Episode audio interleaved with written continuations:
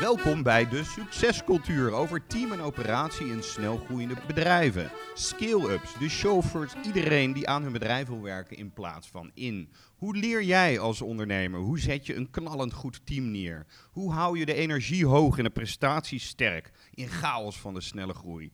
Hoe zorg je dat de mensen en de organisatie echt leren van fouten? Zoals elke keer met host, ondernemer en specialist Wendy van Ierschot. Hoi Wendy. Dag Maarten. Plus mijzelf Maarten Lens Fitzgerald, ervaringsexpert en ook ondernemer. Deze week, deze show, is Quinten Schevernels te gast. Hallo Quinten en welkom. Hi. Hey Quinten. Hey Quinten, je begon ooit, even als introductie, je begon ooit bij Randstad, was directielid bij Telegraaf met Speurders. Uh, ik leerde jou later, oh nee, ik leerde je nou niet kennen, maar ik ken je wel dat jij CEO bij, uh, COO was bij VNU, met onder andere tweakers en intermediair.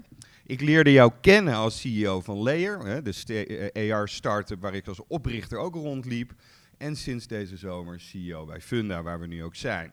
Je investeert, je hebt direct diverse RVT-functies en spreekt op events. Je schreef het boek suits en hoodies en je bent sportman en familieman. Mooi rijtje, mis ik wat? het lijkt me meer dan voldoende. Zo. Ja. Hey, uh, om direct even met de deur in huis te vallen. Hoe zorg jij als CEO ervoor dat je steeds optimaal blijft presteren? Ja, goede vraag. Een um, paar dingen zijn denk ik heel belangrijk. Uh, het eerste woord wat meteen bij mij opkomt is uh, rust rust, zeg maar. En rust op verschillende manieren. Uh, rust betekent overzicht houden. Dus niet te diep je organisatie ingaan, maar een beetje afstand houden. Overzicht creëren. En rust ook uh, goed voor jezelf zorgen. Dus uh, slaap, sporten, dat soort dingen. Ik denk dat dat ongelooflijk belangrijk is. Dus dat je voldoende momenten houdt om te reflecteren. Toch een beetje sport, topsport wat je doet. Ja, exact. Kan je daar wat meer, hè? hoeveel uur slaap je dan bijvoorbeeld? Let je daar echt op? Ja, daar let ik wel op. Ik heb natuurlijk best wel vaak ook zakelijk uh, etentjes en dat soort dingen. En ik zorg echt wel dat ik dat niet te vaak in een week doe. En niet omdat ik dat niet leuk vind, maar als ik dat te vaak doe, dan in de loop van de week, uh, dan ben ik gewoon vermoeid en ben ik echt minder, uh, minder effectief. Dus ik heb zo'n paar van die trucjes. maandagochtend bij voorkeur tot een uur of elf geen afspraken. Dus ik zit wel al uh, vaak om uh, half negen ergens met een kop koffie en een laptop. En dan ben ik voor mezelf eigenlijk aan het plannen van oké, okay, deze week, wat zijn nou echt de belangrijke dingen? Pak ik mijn agenda erbij? Matcht dat een beetje of niet? Dus dat ik heel bewust eigenlijk mijn energie ga verdelen.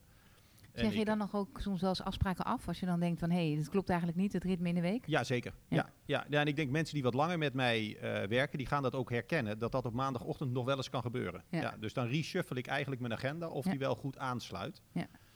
Um, en ja, ik ga in principe niet veel later dan, uh, later dan 11 uur ga ik echt niet naar, uh, naar bed door de week. Dat, uh, dat doe ik niet. Heb je dat geleerd eigenlijk in de loop van de jaren? Of, of deed je dat altijd? Was je al sowieso super gedisciplineerd? Nee, nee, nee. dat heb ik wel geleerd. Ja, en, en dat, nou ja, je hebt het net een beetje over mijn achtergrond gehad. Dan weten de luisteraar al dat ik ook niet meer 32 ben, gezien alles wat ik gedaan heb. Nee, je moet er ook gewoon een beetje meer op gaan, op gaan letten. Hè? Ja. Dus toen ik, toen ik jonger was, in mijn tijd bij Randstad, ja, dan kon ik gerust op donderdag gewoon helemaal niet slapen. En de volgende ochtend kwam ik gewoon weer op de vestiging. En ja. dat was geen centje pijn. Als ik dat nu zou doen, dan heb ik de volgende dag gewoon echt een slechte dag. En mensen die met mij in de meeting zitten, hebben ook echt een slechte dag. Dus dat, Stom is dat, uh, dat moet ik ja. helemaal niet doen. Hey, en, en ik weet dat je ook coaching hebt gedaan. Ik weet niet of je het nu, nu nog doet. Maar heb jij zelf ook coaching als je, als je dit soort topsportfuncties doet? Dat is een beetje af en aan. Dus uh, uh, ja, ik, ik heb zelf uh, redelijk veel mensen gecoacht, echt als coach. Nu doe ik dat meer zeg maar, met het team waar ik hiermee werk. Hè. Dus mm-hmm. dat is toch een beetje andere soort coaching. Ik heb zelf, als ik even goed nadenk, even los van de verschillende management development programma's die ik heb gehad, waar ook altijd wel zo'n coachend element in zit, heb ik drie periodes echt, en dan was dat meestal zo zes tot twaalf maanden, met een coach gewerkt. Ja. En ook alle drie de keren andere coaches. Dus ja, heel ja, erg gekeken ja. naar waar heb ik nu behoefte aan, wie past daarbij. En mijn persoonlijke ervaring was ook dat uh, ik meestal na zes tot twaalf maanden het gevoel had dat ik uit die specifieke coach het meeste eruit had gehaald. En dat ik eigenlijk wel behoefte had ook weer aan iemand anders, die weer anders naar mij keek. Hè, die, die niet mij in zijn hoofd had van drie jaar geleden, maar weer helemaal fris op het startpunt waar ik dan zou staan, weer, weer met mij zeg maar verder ging wandelen. Ja. Wat ontzettend goed. Want eh, wat ik heel veel zie is dat de ondernemers, hè, zeker als je bedrijven opbouwt, wat je ook een paar keer hebt gedaan, dan ga je zelf ook door een ondernemersreis, zoals ik dat dan een beetje, ja, dat is een Mhm. beetje stom woord, maar goed, eh, Ja. hè, zoals een klantreis. En, een- maar je moet Hero's jezelf ook, eh, ja precies, je moet jezelf natuurlijk ook blijven ontwikkelen. En toch zie ik ook dat heel veel ondernemers dat niet doen eigenlijk. Hè? Want we hebben ook allemaal iets. eh, Jullie ook allebei, weet ik. eh, iets eigenwijs, want anders ga je nooit zelf beginnen. Dus Ja. je moet toch ergens het gevoel hebben van... ik weet, het, ik weet wel iets of ik kan iets. eh, Nou, het eh, wordt ook niet, het wordt niet eh, voor je geregeld binnen het bedrijf. Nee. Eh, het kan ook als jij de ondernemer bent of de CEO. eh, ja, wa- wat is het moment waarop je naar wie kwetsbaar kan zijn en Ja. open over dingen waar je mee worstelt? Hè? Dat Ja. is in sommige gevallen prima om dat te laten zien aan je team, maar andere momenten misschien helemaal niet. Hè? Ja. Omdat jij hun houvast bent. En als jij zeg maar, de twijfel en de kwetsbaarheid laat zien, is dat niet altijd even functioneel. Ja. Dus eh, nee, ik heb, ik heb echt al jaren geleden besloten, ik regel dat gewoon zelf. Ja. En eh, daar heb ik ook helemaal geen, geen schroom voor. Ik denk dat dat eerder slim is dan dat het eh, zwakte is of zo. Ik wil heel even ingaan op dat stukje kwetsbaarheid. Want toevallig is er net, een boek uit van Daniel Croyle. Dat is een beroemde schrijver die de Culture Code heeft geschreven. Dat is in het Nederlands vertaald als de bedrijfscultuurcode. En die schrijft als één... Er zijn- drie elementen die hij noemt. Eén is veiligheid in het bedrijf. Twee is een helder doel. En drie is kwetsbaarheid. Dus vulnerability, dat je kwetsbaarheid... Maar jij zegt precies eigenlijk hè, van... Ja, eh, aan de ene kant is kwetsbaarheid goed om te laten zien. Ook in je team, hè, want dat creëert ook een veilige cultuur. Mhm. En aan de andere kant, ja, eh, moeten ze ook op jou kunnen bouwen. Kan je daar iets over, eh, zou je daar voorbeelden van kunnen geven van dit laat ik bijvoorbeeld wel zien en dat niet? Of, Ja, nou ja, eigenlijk eh, een voorbeeld waar, eh, waar, waar Maarten eigenlijk ook gewoon bij was, was in mijn tijd als CEO bij Layer. Waar we, eh, hè, we waren heel vroeg in die markt van augmented reality. Dus dat is toch een beetje R&D wat je doet. Heb je nog helemaal geen verdienmodel of wat dan ook. Dus de funding die je hebt, ja, die, die verbrand je op goede, relatief dure mensen. Ja, dan op een gegeven moment zie je wel het einde komen in de zin van straks is het geld op. Nou, daar maak je als CEO best wel druk om. Van wat betekent dat dan? Ja. Ja. niet eens zozeer voor mijn eigen toekomst, maar ook wel gewoon voor mensen. En er waren best wel veel mensen. eh, we hadden behoorlijk wat mensen uit Oekraïne. Die waren naar Nederland gekomen om voor Leer te werken. Inmiddels was daar een burgeroorlog. Die zaten hier met een gezin. Dat is best wel gewoon Ja. stress en verantwoordelijkheid. Ja, dat is nou niet echt het moment om dat te tonen. Hè. Ik heb er Mhm. helemaal niets aan als die mensen, de zorg die ik dan heb, dat ik die kwetsbaarheid toon aan hun. Hè, van, goh, ik maak me wel zorgen over het bedrijf en misschien dat over twee maanden het licht uitgaat. En dan moet je misschien terug Oh, met ja. je gezin naar de Ja. Oekraïne. Ja.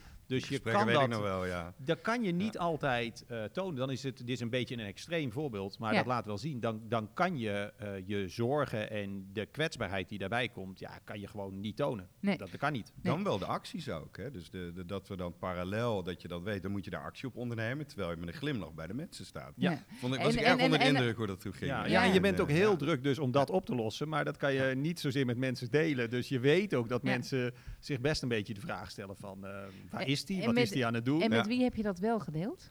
Nou, met de founders. Kijk, hè, de Ja. Maarten. Maarten was eh, op dat moment van de drie founders... was Maarten eh, de enige founder die nog actief was in het bedrijf. Ja. En omdat hij founder was, was hij natuurlijk ook aandeelhouder. Ja. Dus dat maakte ook zijn rol heel anders. Dus op dat kon ik, eh. Ja, Dus, dus dat, kon ik, dat kon ik heel makkelijk met, eh, met Maarten delen. Maar dat was het eigenlijk, ja, Ja. met de aandeelhouders. eh, maar, maar verder niet. Grappig, want ik ben zelf lid van de Entrepreneurs Organization. Heb je daar wel eens van gehoord? Jazeker. Ja. Nou ja, daar, dat, dat is eigenlijk opgericht hè, om dat soort dingen dan met elkaar te kunnen delen. En ook van andere ondernemers weer te horen van eh, hoe zij daarmee om zijn gegaan in zo'n situatie. Ja. En dan helemaal in vertrouwelijkheid. Maar ehm, kan je een voorbeeld geven van eh, kwetsbaarheid die je wel kon laten zien? En waarvan je ook het idee had van hé, hey, dit, dit, dit eh, bevestigt de band onderling. Of laat ook zien aan anderen dat ze hun.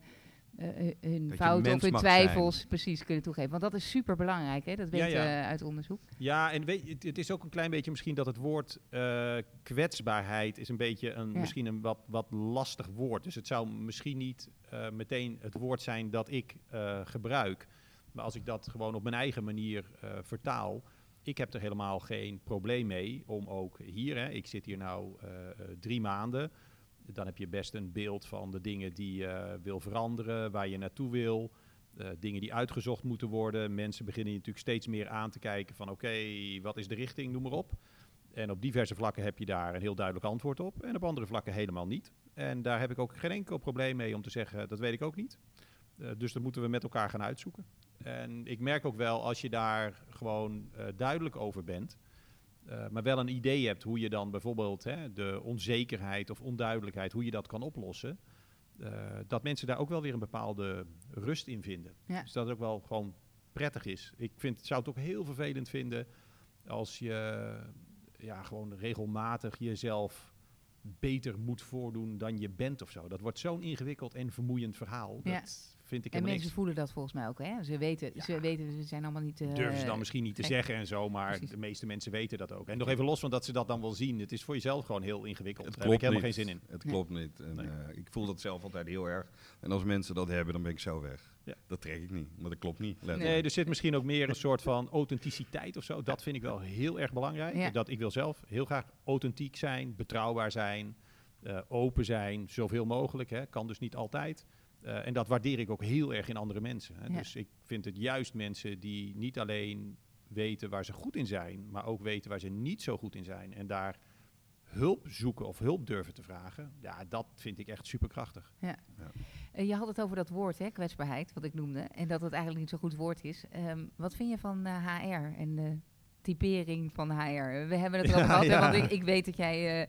eh, eh, dus de elementen die daar dan voor mijn gevoel in dat vakgebied horen... dat je daar eh, heel veel aandacht voor hebt. Ja. Tegelijkertijd vind ik het natuurlijk super frustrerend... dat we vaak, als we het over HR hebben... dat er ergens...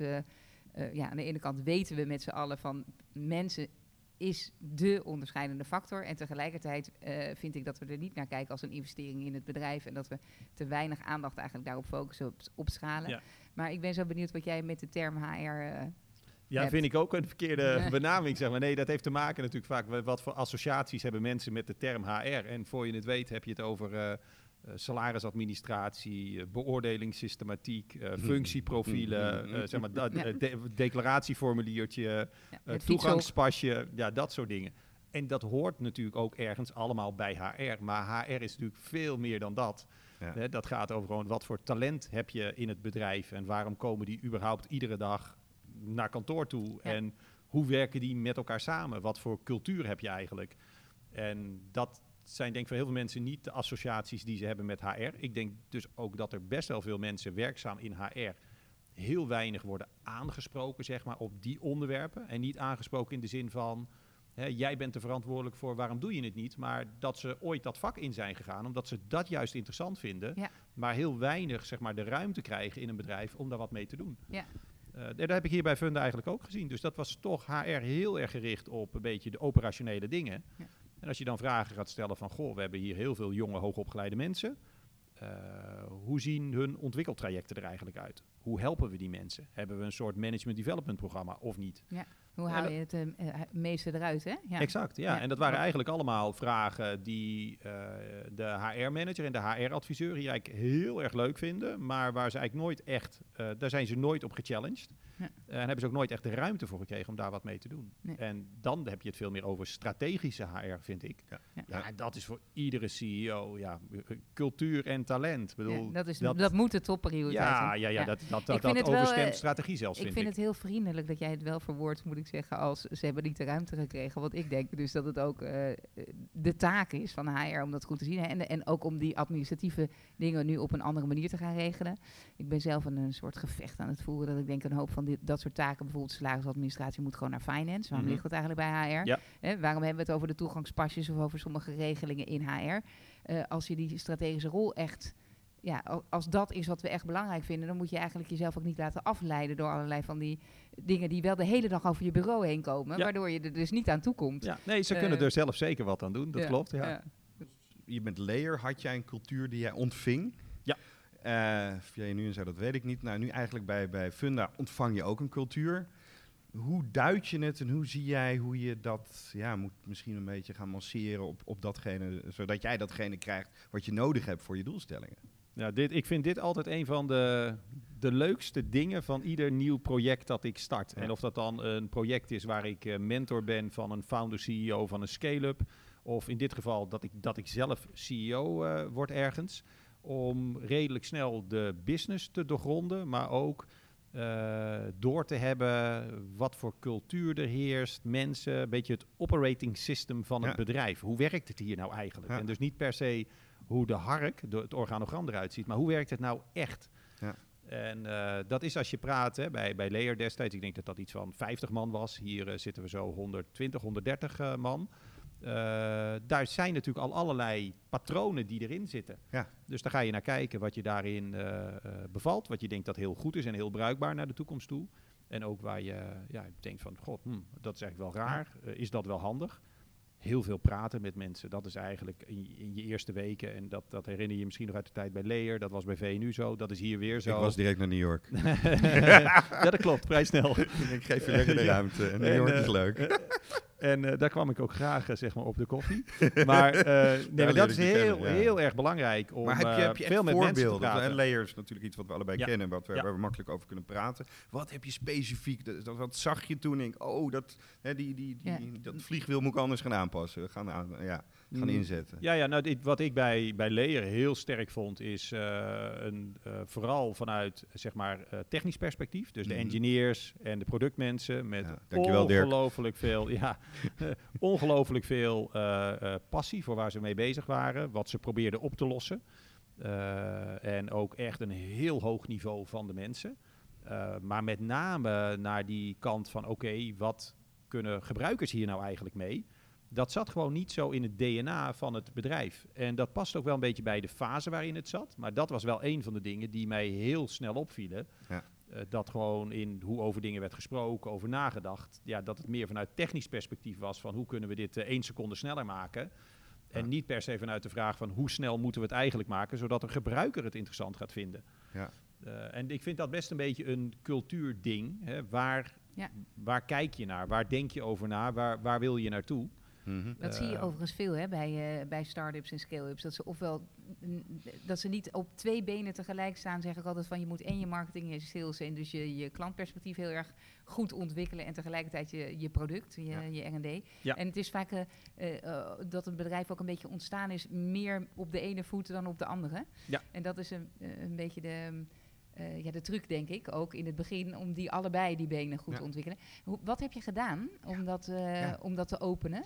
Eh, dat, dat is een beetje een voordeel dan als je een club hebt van ongeveer 50 man, die eigenlijk allemaal in één ruimte zitten, open ruimte in, in Amsterdam. Eh, dat je gewoon door eh, je eigen gedrag en de vragen die je stelt, al heel snel vrij veel invloed eh, kan hebben. Ja, wat voor vragen ging je bijvoorbeeld stellen? Nou ja, waarom doen we dit eigenlijk? Wij hadden een, eh, hoe heet dat ding, Stick To geloof ik? Ja, stikt. Dat was een soort eh, grappig eh, eh, side project. Ja. Terwijl we eigenlijk op de core van wat we wilden doen, de layer app en daaraan gekoppeld een SaaS-oplossing waar marketeers en uitgevers over de hele wereld zeg maar interactieve print konden maken. Daar hadden we onze handen meer dan aan vol. En toch zat er een van de zo'n hobbyproject bij. Nou ja, dan ga je dus vragen stellen, waarom doen we dat überhaupt? Ja. En hoeveel resources kost dat dan eigenlijk?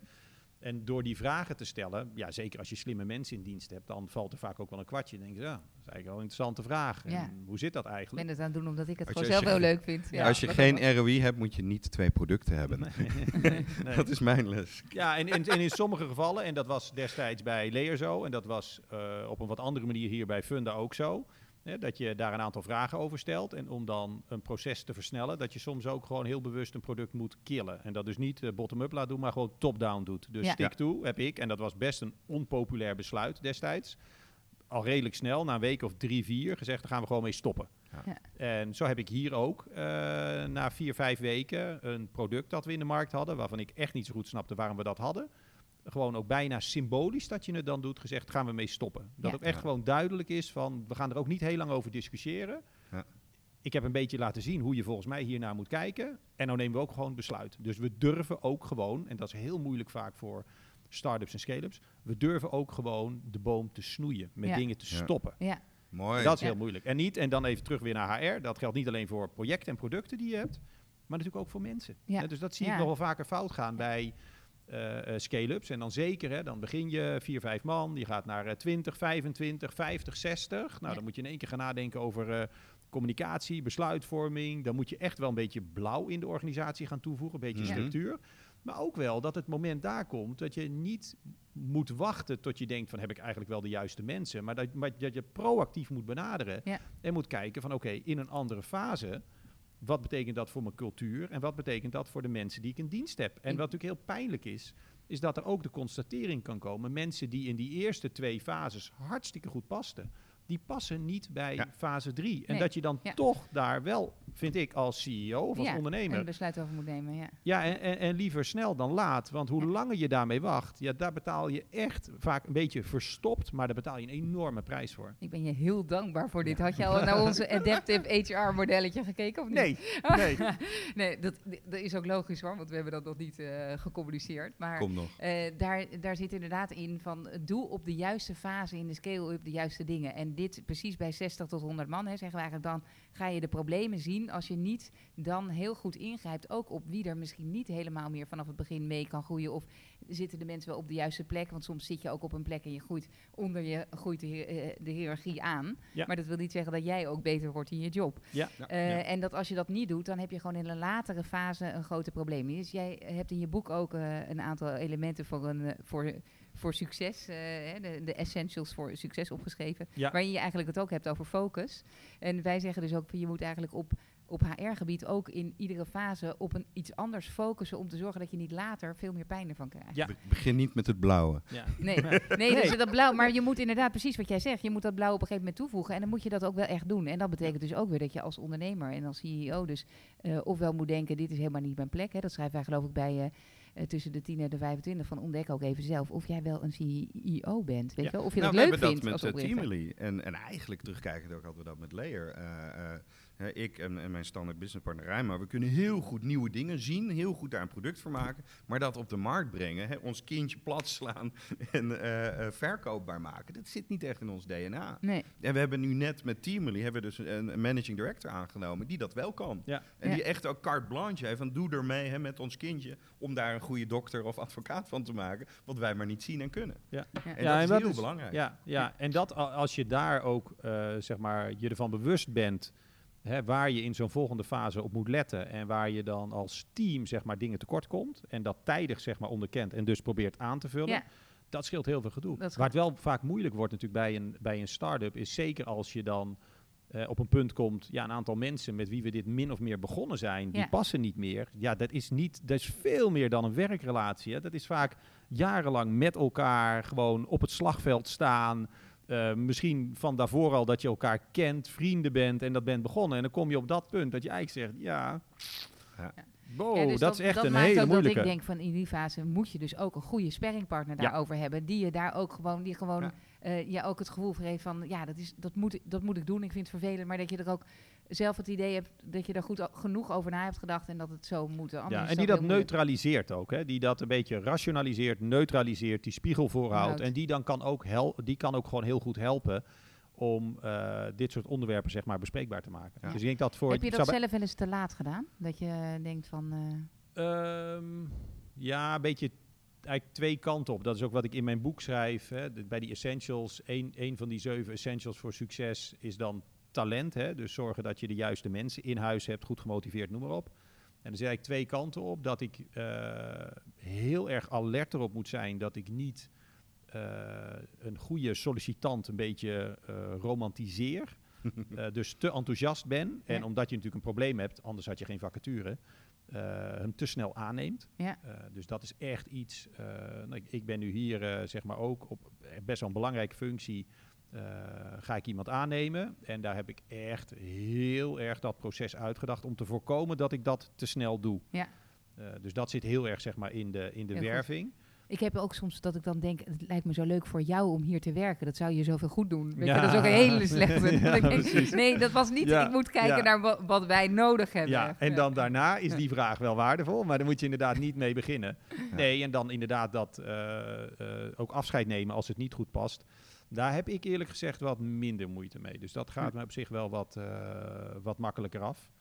Eh, dus het is meer aan het zorgvuldig zijn aan de voorkant. Dat Ja. is meer wat ik mezelf echt regelmatig gewoon Ja, dus moet het is eh, heel goed dat je weet waar je ook je zwakke punten zitten. Of je zwak, of maar waar je valkuil zit. En dat je dan het proces zo ontwerpt dat je daar niet in eh, stapt. Ja, precies. Ja, en gewoon ook dus safety inbouwt. Dus een van de dingen die ik sinds een aantal jaren gewoon structureel doe. Als ik iemand aanneem, zeg maar eh, echt de laatste stap in het proces, moet iemand zeg maar dan de kleurentest, hè, dat Ja. management drives Ja. maken omdat dat iets is waar je je best op kan verkijken. Dus dat iemand qua achtergrond, noem maar op, echt heel goed past. Ja. Eh, maar dat op die drijfveren, dat daar net iets niet lekker zit. En ik stel teams heel graag samen op basis van die drijfveren. Dat Ja. je een goede balans in je team hebt. Ja, doen we. Eh, en dat heb ik dus van tevoren al bepaald wat ik vind dat we qua balans in het team zouden moeten toevoegen. Want er is natuurlijk altijd een key vacature, is altijd Ja. een kans om je team beter in balans te brengen. Maar ook voor die specifieke functie wat ik daar terug wil zien. Ja. Eh, en dat is wel, eh, dan hoop je eigenlijk iedere keer als je dan helemaal aan het einde van het proces, waar je eigenlijk heel enthousiast over een kandidaat bent, dan hoop je maar dat die test goed is.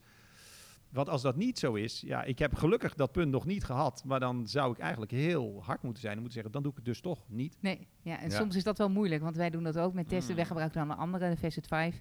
En dan hebben we één, we, we zoeken heel erg veel diverse mensen. Maar op één punt moet je wel gelijken, want dat verbindt ons ook. Juist. Ja. Hè? Dus dat je Ja. zegt van oké, je, dus je kan echt totaal anders zijn, maar er is één, één stukje waarvan we zeggen, ja, daar moet je wel goed echt eh, Ja. behoorlijk op Ja, scoren. ik heb want precies hetzelfde. Dan, eh, dan Ja, werkt je het moet niet. gewoon kleur 1 of 2 moet oranje zijn. Dat is resultaatgerichtheid. Ja. Als je dat niet hebt, ja, Ja. dan kan eigenlijk in een team waar ik mee werk, dat kan niet. Nee. Kan gewoon Nee. niet. Die andere kleur, daar mag je niet en, spelen. ehm, we, we zitten bijna door onze tijd heen. Ehm, kan je nog iets zeggen over hoe je nu bezig bent met je organisatie, inrichting en verandering? Want volgens mij ben je ook eh, daar eh, behoorlijk veel energie aan in het stoppen. Ja, ja, ja, en wat ik zei, dat is dus heel erg leuk om te doen. Hè. Dus Ja. ik heb soort twee, eh, twee hobby's, zeg ik wel eens. Dat is zeg maar de organisatie en cultuur. En aan de andere kant de strategie en de focus. Dat Ja. zijn de twee dingen die ik erg leuk vind. Die Belangrijkste komen- aspecten van iedere CEO ja, ja, gelukkig. ja, gelukkig. Eh, die komen hier ook heel erg bij elkaar, zeg maar, in, dit, in, in het project Funda, zoals ik dat noem. Eh, als je echt specifiek gaat kijken naar het HR-stuk en cultuur, eh, wat de mensen hier in het bedrijf ook weten, een van mijn twee prioriteiten is dat ik eigenlijk van het talent dat wij hier in huis hebben, want we hebben echt veel talent, internationaal talent ook, hoogopgeleid, relatief jong, noem maar op. eh, dat we daar echt een, een beetje, ja, een blasé woord, maar een high-performing company van moeten maken. En wat ik daar eigenlijk mee tegen het personeel heb gezegd is, ik vind dat er heel veel talent zit, maar ik vind dat het geen team is. Eh, en daar horen allerlei dingen horen daar eigenlijk bij, hè, om te komen tot een team. Dus dan ga je het hebben over dat operating system, hoe we eigenlijk samenwerken. Nou, verschillende afdelingen hier werken eigenlijk op verschillende manieren die niet goed op elkaar aansluiten, waardoor je eh, binnen marketing of binnen sales een manier van werken hebt die voor sales aan zich misschien best goed kan zijn, maar die heel moeilijk aansluit op marketing. Of kan je heel iets, moeilijk. iets van een concreet voorbeeld voor, eh, voor onze luisteraar geven? Ja, ik Ja. snap het niet. Nee, nee, dus je hebt bijvoorbeeld, hè, wij, wij zijn in de basis zijn wij een marktplaats. Dus wij hebben, hè, iedere marktplaats heeft Ja. eigenlijk twee zijden van de marktplaats. Aan de ene kant de makelaars bij ons en aan de andere kant zijn dat de mensen op zoek naar een woning. Nou, wij zijn bij sales en marketing zijn wij heel erg daarnaar georganiseerd. Dus we hebben mensen die echt dedicated bezig zijn met die klantgroepen. Als je dan eh, de overstap maakt naar product development, waar onze productmensen zitten, de UX'ers en de developers, dan zijn we heel anders georganiseerd. Dan hebben we een team dat gaat over search. Mhm. We hebben een team dat gaat over object. Object is zeg maar het huis. Ja. Dat is veel technischer ge- georganiseerd. Die teams zijn verantwoordelijk voor een stuk code, maar Ja. niet voor een klantgroep. Ja. Wie zet je nou met elkaar in een kamer en welke gemeenschappelijke KPI's geef je ze mee om op te lossen Ja. Voor het komende kwartaal? Ja. Dat zijn een soort stekkers die niet op elkaar aansluiten. En dat is voor je samenwerking is dat heel erg onhandig. Ja. Nou, dat is een van de dingen. Tegen de, tijd dat, dit wordt, tegen de ja. tijd dat dit wordt uitgezonden, Ja. hebben we dat opgelost. Ik vind het Mooi. een fantastisch voorbeeld, want vaak gebeurt dit, wat jij nu noemt, omdat je groeit van onderaf. En dan zie je op een afdeling, hé, hey, we hebben eigenlijk te veel werk. En dan groei je vanuit die afdeling. En dat is precies wat ik ook vind een superbelangrijke taak van een HR-persoon, om daar naar te kijken. Ja. Of eh, een people operations, of welke term we er ook aan willen geven. Om er naar te kijken, wat is nou eigenlijk een logische organisatieinrichting? Want als je dat niet bewust doet, dan krijg je dus dit als resultaat. Ja. En Wat je dan later moet veranderen, en dat ga jij natuurlijk geweldig goed doen, maar dat kost wel meer energie dan dat je het vanaf het begin goed opzet. Ja, ja ander leuk dingetje misschien. Hè, dus allerlei praktische dingen die dan bij zo'n proces horen. Eh, we hebben een sessie gehad met eigenlijk alle managers uit het bedrijf. En daar hebben ze een toeltje gekregen. Dat ken je misschien wel, die nine-box grid. Ja. Hè, op basis Ja. waarvan je eigenlijk je gewoon personeel dat je hebt eh, eh, kan, kan ranken. Hè, hoog potentieel of hoog in performance of juist laag. Ja. Waarmee je eigenlijk met elkaar gewoon heel goed kan bediscussiëren van... hey, dit vind ik een van onze overperformers en die heeft nog veel meer potentieel. Herkennen we dat of niet? En wat gaan we daar dan mee doen? Hè? Zit Ja. die lekker op zijn plek? Lopen we het risico dat die weg zou gaan of niet? Ja. Eh, maar ook met de mensen die dus underperformers zijn. En wat doen we daar dan? Hebben ze hulp nodig, support? Zitten ze op de verkeerde plek? En dat is een van de dingen die we echt na vijf weken hebben we dat gedaan. Mooi. En hebben we echt een volle dag gezeten. Want dan is het natuurlijk meer dan 100 man. Daar ben je wel even zoet mee. In de voorbereiding al. Ja. Maar ook om het met elkaar te bespreken. Ja. En daar hebben we op basis daarvan ook gewoon gekeken van... Oké, wat zijn dan next steps? Met name met eh, de buitenkanten van, eh, van die format. Precies, Ja. en ook de, de, de sleutelposities. Helemaal niet tellen. Je ziet Ja. overigens dat die Nine Grid wordt nu heel vaak vertaald met high performing en values. Hè, dus de voldoet, dus ja. dan laten we eigenlijk potentie weg, omdat dat dan eigenlijk in de high performance zit dan dat mensen Ja. sowieso heel getalenteerd moeten zijn, anders zitten ze niet op die high performance as.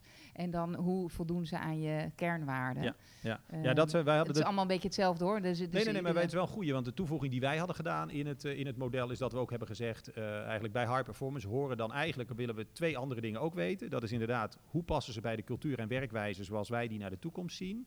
En hoe happy zijn ze eigenlijk? Want Ja. je wil met name Ja. op die mensen, wil je niet alleen dat ze high performers zijn, Ja. maar ze moeten ook gewoon happy hier zijn. Met een superbelangrijk. erin. Precies. En, Ja. ja. ik weet nog even één, eh, één eh, vraag van mijn kant. Want eh, wat doe jij met die salespersoon die eh, fantastisch scoort, eigenlijk je beste salespersoon is, eh, maar niet eh, goed scoort op cultuur en values? Zo snel mogelijk afscheid nemen. Ja. Ja, zonder enige discussie. Ik zie dat heel vaak niet gebeuren, hè? Want dan denk je, auw, auw, auw, pijn in mijn portemonnee. Ja, Maar- nee, maar het is echt, en dat is, gaat eh, 12, 13 jaar eh, terug in de tijd voor mij, dat ik zo'n geval aan de hand had. En ook heel erg aan het dubben was van, ja, wat moet je ermee doen? Want ja, die, eh, weet je, die, die zorgde wel voor dat we onze targets halen en zo. Eh, en uiteindelijk toen, en daar heb ik dan te lang mee gewacht, maar toch besloten van ja, maar de impact op het team is zo negatief. En eigenlijk andere mensen, en dat is een beetje Gaan Verstopt. Ja. andere mensen presteren niet goed doordat deze persoon zeg maar, eigenlijk het verkeerde voorbeeld geeft. En als je hem laat zitten, denken die mensen van, nou ja, blijkbaar mag dat gedrag hier dus. Ja.